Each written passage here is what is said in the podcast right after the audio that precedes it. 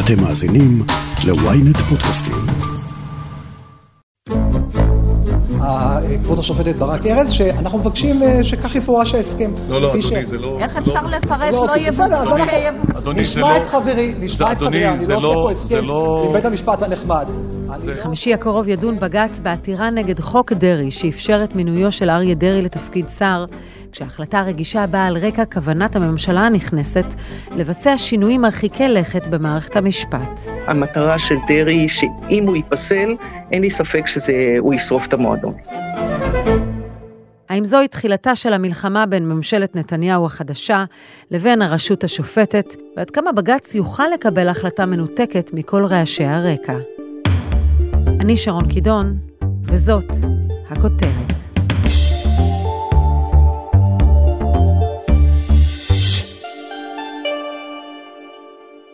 כל אדם בישראל יודע שאם לא היו קוראים לי מכלוף אריה דרעי, הנושא היה נפתר מול פקיד השומה, כפי שמתרחש בהרבה מקרים אחרים.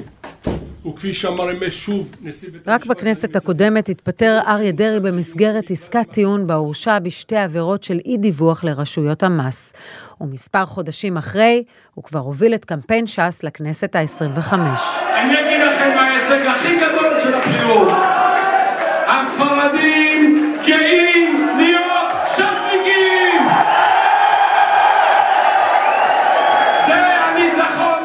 לאחר הישג לא מבוטל בבחירות, קיבל הבטחה מנתניהו להיות שר בשני משרדים חשובים, פנים ובריאות. על מנת להכשיר את המינוי נדרשו חברי הקואליציה להצביע בעד תיקון חוק יסוד הממשלה, כך שיאפשר למי שהורשע אך קיבל עונש מאסר על תנאי, לכהן כשר. והנה אחרי המינוי, נושא דרעי מגיע להכרעת בג"ץ. טובת צימוקי, פרשנית המשפט של ynet וידיעות אחרונות, לאור הרגישות הוחלט על הרכב שופטים מיוחד שידון בסוגיה שעלולה להכריע את עתיד הממשלה הצעירה. בשנים האחרונות כל אימת שהיו נושאים חוקתיים שהם משפיעים באופן אה, מרכזי על הפוליטיקה הישראלית, הנוהג היה לקבל את ההחלטות בהרכב הכי נרחב שיש לבית המשפט העליון. לגבי אה, חקיקה וחקיקת משנה, אנחנו מבינים את ההסבר שצריך לתת קדימות לחקיקה הזאת מטבע הדברים, כי היא דחופה וחשובה לעת הזו, אבל מה לתקופת החירום ולקורונה ולהקפאת מינויים בכירים? עכשיו אני רוצה להזכיר לכם שלפני שנתיים הייתה הדרמה הגדולה בעליון, כאשר אה, עמדו, אה, אה, הוגשו עתירות נגד אה, מינויו של אה, בנימין נתניהו כראש ממשלה, כאשר המשפט שלו כבר החל. עכשיו חיות שוב עשתה את המתבקש, מכיוון שמדובר פה בהחלטה דבר ראשון על אה, פסילה או לא פסילה של חוק יסוד, שזה דבר לא פשוט. היא החליטה להרחיב את המוטב ל-11 שופטים, מתוך 15 שופטי בית המשפט העליון, פלוס העובדה שגם העתירות הן נגד סבירות המינוי של דרעי, בטענה שזה לא סביר. עכשיו, אני רוצה גם להזכיר לכם שלפני כמה שנים, שדרעי מונה להיות שר הפנים, קבעה שופטת אה, חיות, אז נתנו לו לעבור, אבל היא קבעה שזה כבר מדובר במקרה גבולי. והשאלה היא כמובן אם הפעם דרעי כבר חצה את הרף. עכשיו, אה, השופטים הם ככה, אה, היום יש הרבה יותר שופטים שמרנים מאשר בעבר בהרכב בית המשפט העליון, זה בגלל השינויים שהכניסו שרת המשפטים איילת שקד ולאחריה השר גדעון סער בהרכב בית המשפט, שהוא היום הרבה יותר שמרני מבעבר. עכשיו, אם נעבור על השופטים, אז ככה, שופט אחד שנחשב לשמרן לא יהיה בהרכב, שזה הנשיא הבא אחרי עמית, וזה השופט נועם סולברג, שיוצא לאיזה סוג של חופשה. במקומו יהיה השופט כבוב, אני מניחה שהוא אה, נחשב לשופט ליברלי. לא ברור מה, מה תהיה ההחלטה שלו, אבל אני חושבת שהשופטים יוסף אלרון, מינץ, וילנר ושטיין ינקטו עמדה יותר שמרנית, הן לגבי ביטול החוק והן לגבי ההחלטה אם דרעי זה סביר למנות אותו או לא. לאורך כל הקמפיין טען דרעי בלהט, גם בריאיון עם ישי שנרב ואיתי לתוכנית הבוקר בוויינט רדיו, כי אין שום מניעה למינויו כשר. אתה בכלל יכול להיות שר בלי, בלי להיות חבר כנסת? ודאי שאני, לא, אני הולך להיות חבר כנסת עכשיו. אני עכשיו נכנס לרשימה לכנסת, ואני הולך להיות שר, בעזרת השם אין שום מניעה משפטית שאני יכול להיות שר. השאלה אם המינוי הזה סביר או לא, תיבחן בשפה המשפטית על פי עילת הסבירות. והשאלה היא, האם עילת הסבירות היא לגיטימית, שהרי היא בעצמה נוצרה על ידי בית המשפט העליון, ולא על ידי חקיקה. אז תראו, אכן בעצם מי שהחזיק הכי הרבה העלה את קרנה של עילת הסבירות, היה אהרון ברק, אחרי המהפכה החוקתית, הוא חשב שבית המשפט העליון צריך אה, לבחון החלטות גם בממדים של אה, סבירות ושל תום לב ושל מידתיות. כלומר, אם החוק הנחקק המסוים הוא אה, לא סביר, או לא מידתי, יעני פוגע יותר מדי בזכויות האדם, או אה, לקה בתום לב, אז זו סיבה מספקת אה, לעיתים לפסול החלטות ולפסול חוקים ומינויים. מאז זה שנוי במחלוקת, כי הטענה של חוקים נרחבים בציבור, גם אגב בשמאל, שלמה דווקא שופטי בית המשפט העליון הם האנשים המוסמכים להחליט מה סביר ומה לא, כי ההחלטה הזאת יש בה המון מן הסובייקטיביות ונובעת הרבה גם ממערכת הערכים של השופט. לכן זה שנוי במחלוקת מאוד, והיום אומר השר יריב לוין, מה שהוא אומר שנים, אני לא מוכן שהחבורה הזאת תחליט מה סביר ומה לא. ולכן אני רוצה לשאוף לבטל בכלל את שלוש העילות האלה כאמות מידה לקבלות החלטות. בג"ץ יידרש גם לבחון האם מדובר במינוי סביר, אבל לא רק. תיקון החוק הפרסונלי, העיתוי שלו והכניסה המיידית שלו לתוקף גם הם עומדים למבחן. שאלתי את פרופסור יניב רוזנאי, מה יהיו המבחנים שבג"ץ יפעיל? פרופסור יניב רוזנאי, מנהל של מרכז רובינשטיין לאתגרים חוקתיים באוניברסיטת רייכמן. אז הדיון בבג"ץ, שהתקיים ביום חמישי השבוע, למעשה דן בשני נושאים שהם קשורים אבל הם, הם שונים. נושא אחד זה תיקון לחוק יסוד הממשלה, שעושה איזשהו שינוי בתנאי הכשירות למינוי שרים. עד עכשיו חוק יסוד הממשלה קבע שלא יוכל להתמנות לשר מי שהורשע בעבירה ונידון לעונש מאסר, לא ברור היה אם זה מאסר בפועל או גם מאסר על תנאי פוסל כזה מינוי, דרעי כידוע קיבל מאסר על תנאי, אז עשו איזשהו תיקון לחוק יסוד הממשלה שחל למעשה על דרעי עכשיו, וקובע שלא ימונה לשר מי שנגזר עליו רק עונש מאסר בפועל ולא מאסר על תנאי. כלומר, אז זה, התיקון הזה אמור לאפשר את המינוי של דרעי לשר, זה מבחינת הכשירות. זה נושא אחד. הנושא השני הוא שאלת הסבירות של המינוי. גם בהינתן שדרעי כשיר להיות שר לפי אותו תיקון, השאלה היא האם המינוי הזה הוא סביר.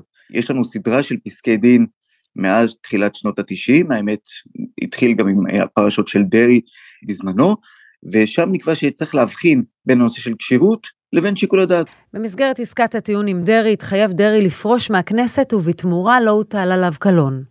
עם זאת, הפרקליטות לא התחייבה לוותר לו על קלון גם בעתיד, אם וכאשר יתמנה לשר. הקלון הוא למעשה החלטה שאמור לתת בדרך כלל בית המשפט אחרי ההרשעה, והשאלה היא האם יש באות, באותה עבירה כתם מוסרי, ואותו כתם מוסרי אמור באמת למנוע אה, מאנשים להתמנות כנושאי משרה שונים, זה הרעיון. מה שקרה בהקשר הזה של דרעי, זה שראינו שהוא התפטר מן הכנסת בדיוק כדי שלא יצטרכו להכריע בשאלת הקלות. עכשיו, לפי דרך המלך, מה שהיה אמור לקרות, זה שראש הממשלה שרוצה למנות את דרעי היה צריך לפנות ליו"ר ועדת הבחירות, והוא צריך להחליט האם אין במעשים של דרעי משום קלון. אם הוא היה קובע שאין קלון, אז אה, אפשר היה להמשיך עם המינוי ולא היה צריך בכלל לתקן את, את, את חוק היסוד לצורך העניין כדי לעקוף את ההחלטה הזאת. אגב, אני ברמה האישית, אני חושב שזה מה שהם היו צריכים לעשות.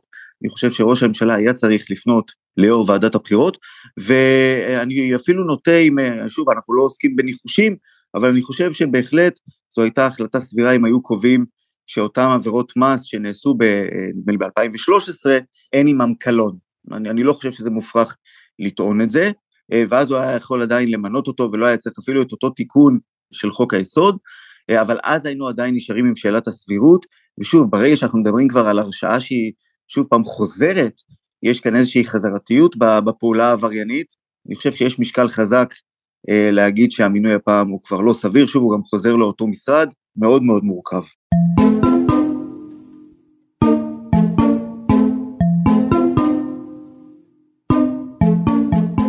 הביקורת על תיקון חוק היסוד במקרה הזה היא גם על עצם התיקון הפרסונלי החפוז. האם חוקי יסוד שמשקפים ערכים ניתנים לחיפוף לצרכים פוליטיים כאלו ואחרים? או, יפה. אז זה באמת מביא אותנו לעילה הראשונה שדיברנו, של התיקון לחוק יסוד הממשלה. עכשיו, הנושא הזה הוא מאוד מאוד מורכב, כי זה לא סתם איזושהי החלטה מינהלית, או אפילו לא חוק של הכנסת שבית המשפט בוחן אותו מול חוקי היסוד. מה שקורה זה שיש לנו כאן ממש שינוי חוקתי, תיקון לחוק יסוד. עכשיו מתעוררת השאלה האם בית המשפט יכול בכלל לבחון תיקון חוקתי כזה, תיקון לחוק יסוד. עכשיו, בשנים האחרונות היו לנו כבר מספר מקרים ומספר פסקי דין בנושא הזה, ונראה שהיום כבר התגבשו שתי דוקטרינות משפטיות שבאמצעותן בית המשפט יכול לבחון ואולי אפילו לבטל חוק יסוד, או תיקון לחוק יסוד. הדוקטרינה הראשונה היא זו שראינו אותה בבג"ץ בעניין חוק הלאום, שהיא אומרת שגם הכנסת, כשהיא משנה חוקי יסוד, או מחוקקת חוקי יסוד, היא לא כל יכולה. היא לא יכולה לשלול את הליבה של הערכים של המדינה כיהודית ודמוקרטית. אפילו לא בחוק יסוד. אבל מה שכן רלוונטי, זה דוקטרינה שנייה, שקוראים לה דוקטרינת השימוש לרעה בסמכות המכוננת, וזו כבר הוכרה באיזושהי סדרה של פסקי דין. אם אתם זוכרים בעניין התקציב הדו-שנתי, ולאחרונה בבג"ץ סתיו שפיר בעניין פשרת האוזר, שוב איזשהו משחק עם, ה, עם התקציב השנתי, ומה שבג"ץ אמר באותו פסק דין של שפיר, הוא אמר, תראו, לפעמים אם הכנסת נותנת בחוק מסוים את הכותרת של חוק יסוד, היא לעיתים יכולה לעשות שימוש לרעה בכותרת הזו, ולתת לאיזושהי נורמה, שהיא לא אמורה להיות נורמה חוקתית, את הכותרת הזאת של חוק יסוד. עכשיו, למה זה רלוונטי בהקשר שלנו? כי בית המשפט נותן כמה מבחנים למתי זה יהיה שימוש לרעה ומתי לא. ואחד מהמבחנים שהנשיאה חיות נותנת בפסק הדין, זה האם מדובר בנורמה שהיא כללית, שהיא מתייחסת לאיזושהי קבוצה שהיא לא מסוימת, או באיזושהי נורמה שיש לה מאפיינים פרסונליים, כלומר שהיא מנסה לתפור עכשיו נורמה חוקתית למישהו מסוים. אז כאן, אני חושב במקרה הזה, למרות שיש כאלה שטוענים שלא מדובר בנורמה פרסונלית, נדמה לי שיש כאן טענות מאוד מאוד חזקות לפרסונליות של ההסדר. נכון שהשינוי הזה של חוק יסוד הממשלה יחול על כל מי שרוצים למנות אותו כשר, זה נכון, אבל אני מזכיר שהקואליציה טרחה לחוקק את ההסדר הזה קודם כל עוד לפני השבעת הממשלה. אם כן, בעד 63 נגד 55, אין נמנעים. לפיכך אני קובע שהצעת חוק יסוד הממשלה (תיקון מס' 11) התקבלה בקריאה השלישית ונכנסה לספר החוקים. אבל שימו לב מה היה עוד יותר, עוד טרחו להקדים את מועד התחילה של התיקון לא לפרסום שלו ברשומות, כמו שקורה בדרך כלל, חוק בדרך כלל נכנס לתוקף ביום הפרסום שלו ברשומות, אלא היא רשמה במפורש ותיקנה את הצעת החוק במפורש שמועד התחילה של התיקון יהיה ליום הקבלה שלו בכנסת. כבר איך שמצביעים עליו, הוא נכנס לתוקף. למה? היה איזשהו חשש שיהיו ניסיונות לעכב את הפרסום ברשומות, ואז אולי הם לא יצליחו להשביע את דרעי כשר וכולי. עכשיו, אם ההסדר היה עתידי בלבד, נגיד היום הכנסת והממשלה היו מקבלות את התיקון הזה, ואומרות, תראו, אנחנו רוצים שזה יחול רק מהממשלה הבאה, אז באמת ההיבט הפרסונלי היה נחלש מאוד. אבל כאן נראה שדי ברור שמדובר כאן להסדר שהוא תפור סביב חבר הכנסת דרעי, וזה בעייתי. גם אם יוכיחו, גם אם העותרים יוכיחו שמדובר כאן בחוק פרסונלי, בתיקון פרסונלי, זה לא סוף הסיפור, רק אני אסביר שמבחינת בית המשפט, הכנסת עדיין יכולה להצביע על איזשהו הסבר שיצדיק את הדבר הזה הפרסונלי. הכנסת יכולה להצדיק את זה, ויכול להיות שבית המשפט ישתכנע שיש כאן עניין מוצדק. פה הכנסת, כמו שאני מבין את זה, תטען שההצדקה נועדה, או שהשינוי נועד ליצור איזושהי הרמוניה בין הוראות כשירות שחלות על שרים, לבין כאלה שחלות על חברי הכנסת, כן? שמדובר באיזשהו תיקון מבהיר, הם יגידו, אנחנו אף פעם לא חשבנו שמדובר גם על מאסר על תנאי, חשבנו שזה כמו חברי כנסת, מדובר רק על מאסר בפועל, ולכן עשינו תיקון שהוא מבהיר. כמובן שאני חושב שזה טיעון בעייתי מבחינת שלטון החוק, כי אנחנו כן רוצים שאמת המידה לשרים, שהם אחראים על תקציבים ועל מדיניות, תהיה גבוהה הרבה יותר מכשירות לכהונת חברי כנסת. וזה אולי כל הסיפור. ליבת העניין היא שזה לא קורה בחלל ריק. שיקול הדעת של בית המשפט עומד למבחן על רקע הניסיונות לשינוי משמעותי במערכת המשפט. מהכוונה לחוקק פסקת התגברות, דרך ביטול עילת הסבירות, ועד לשינוי שיטת מינוי השופטים. אז כאן אנחנו נמצאים באמת, או בית המשפט מוצא את עצמו בעמדה מאוד מאוד בעייתית. כי ראשית אנחנו יודעים על ניסיונות או הצעות או כוונות בכלל לבטל את עילת הסבירות או לצמצם אותה או לבטל את האפשרות שבית המשפט יבחן שיקול דעת במינויים. ואנחנו גם יודעים שבית המשפט מצוי כעת על הכוונת במובן הזה שיש גם הצעות לקבל לא רק פסקת התגברות, אלא לקבל איזשהו תיקון לחוק יסוד השפיטה שיקבע שבית המשפט בכלל לא יכול לדון בחוקי יסוד או בתיקונים לחוקי יסוד. ועכשיו אנחנו שואלים את השאלה, מה בית המשפט אמור לעשות? איך בית המשפט אמור לקיים ביקורת שיפוטית כשבמחאות יש איזושהי אקדח לרקה שלו? עכשיו זו באמת אחת הבעיות הקשות שאין לנו כללי משחק מוגדרים ונוקשים ואין לנו חוק יסוד חקיקה, ברגע שבכל רגע נתון אפשר לשנות את הכללים, זה מאוד מאוד מאוד בעייתי. אה, אני רק אגיד שפסקת ההתגברות לא קשורה ישירות לתיקון בעניין דרעי, כי כאמור מדובר כאן באיזשהו תיקון חוקתי, ולכן מה שאני צופה זה שיגידו לבית המשפט, אוקיי, אם אתה מתערב בעניין הזה, אנחנו עכשיו נקבל חוק שיגיד שאתה בכלל לא יכול לדון בביקורת שיפוטית של חוקי יסוד. כמובן, אני סבור שבית המשפט צריך לנהוג לפי הכלל של עסקים כרגיל, business as usual. הוא צריך להחליט, כפי שהוא היה נוהג, בכל מקרה, בהתעלם מאותו אקדח שמונח על השולחן, ואני גם משוכנע שכך הוא יעשה, ואנחנו צריכים להבין שבית המשפט נמצא פה בבעיה, הוא נמצא בצוות אה, לחצים מאוד מאוד גדולה, הוא צריך, אסור לו לרדת לבונקר, הוא לא צריך להגיד, טוב, הפעם אני לא אתערב מחשש שאולי יגיע איזשהו backlash פוליטי, כי הלקח מהמשפט ההשוואתי, ראינו את זה בפולין ובהונגריה ובמקומות אחרים, הלקח ההשוואתי הוא שמי שיורד לבונקר בתקווה לימים טובים יותר, א', לא בטוח שהימים האלה הם בכלל יגיעו, ובדרך כלל דווקא ההפך, מה שאנחנו רואים זה שהשליטים נשארים בשלטון, אבל שוחקים את הסדר הדמוקרטי כבר באופן כל כך קשה, והמדרון הוא כל כך חלקלק, שאחר כך שבית המשפט יוצא מהבונקר, כבר אין לו כל כך מה לעשות. אז אנחנו יודעים איפה אנחנו נמצאים, בית המשפט צריך לעבוד כמו שהוא בדרך כלל היה עובד. פרופסור יניב רוזנאי, תודה רבה לך. תודה רבה על ההזמנה.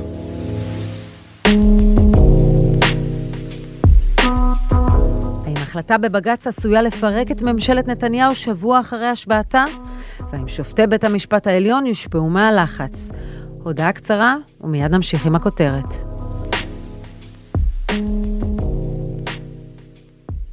ויינט רדיו, הרדיו הדיגיטלי הראשון בישראל, מחכה לכם בכל מקום ובכל זמן שתבחרו, עם נבחרת המגישים שלנו ומיטב התוכניות. ויינט רדיו, להאזנה באפליקציה ובאתר ויינט.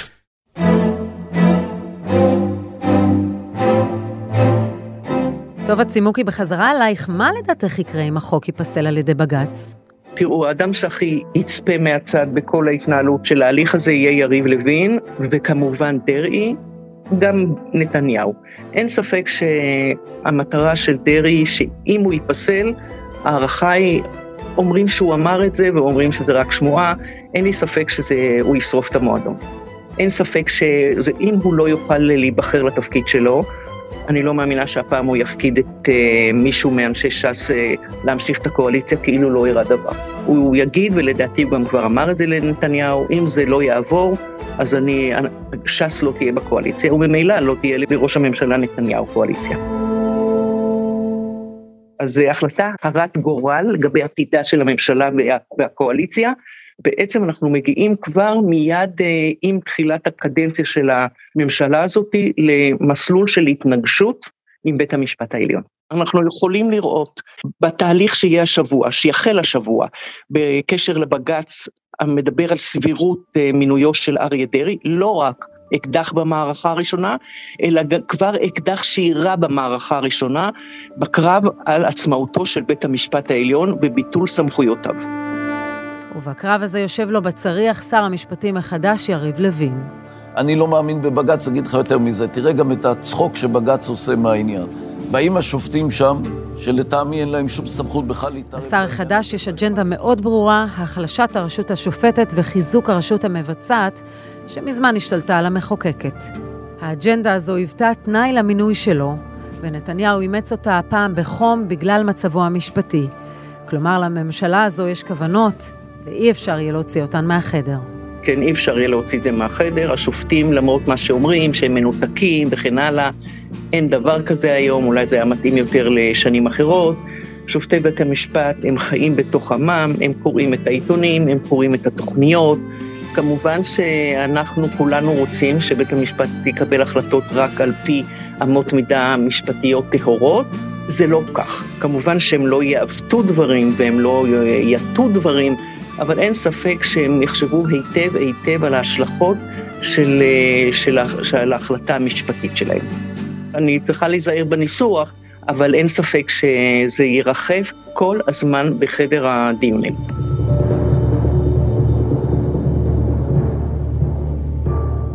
שואלים אותי כולם, למה אתם כל כך מתעקשים להצביע ולתמוך בנתניהו?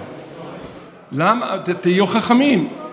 ואנחנו שהבטחנו לציבור, השכם והערב, ביבי צריך אריה חזק, נתניהו, אנחנו הולכים רק עם נתניהו.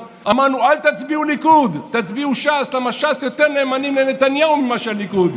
סליחה, לא פגעתי באף אחד. מכיוון שהברית בין אה, נתניהו לבין דרעי היא הברית המרכזית של הממשלה הזאת, ובעצם הסיכומים הראשונים הושגו בין נתניהו לדרעי, אין ספק שאם דרעי לא יוכל להתמנות כשר בממשלה, בגלל בג"ץ, זה יביא מיד לפיצוץ של הקואליציה, כי דרעי יגיד לנתניהו, אם אתה לא מאפשר את אה, מינויי כשר, אין ערך לקואליציה הזאת, אני לא מוכן להישאר, תעשה מה שצריך, כלומר פגיעה בבית המשפט העליון, או הצהרת סמכותו, כי אם לא, אני לא ממשיך איתך. ואת זה, את זה גם בג"ץ ידע, למרות שאסור לו לשקול שיקול כזה. טוב, עצימוקי, תודה רבה לך על השיחה. תודה לכם, ביי.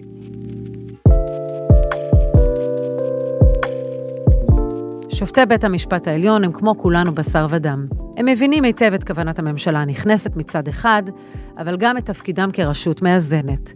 לכל אחד מ-11 שופטים בהרכב יש בוודאי השקפות עולם פוליטיות, והוא לא מנותק מהקרב שמתחולל גם בכלי התקשורת, אבל בראש ובראשונה יש לו תפקיד לפרש את החוק ואת הערכים של התשתית החוקתית, במנותק מכל הלחצים בחוץ. האם ההרכב יצליח לקבל החלטה סבירה בידיעה שהיא יכולה לפתוח מלחמת עולם מול הקואליציה, ואפילו להביא לפירוק הממשלה, שזו במובן מסוים התערבות במערכת הפוליטית. את זה נדע רק בעוד ימים ספורים.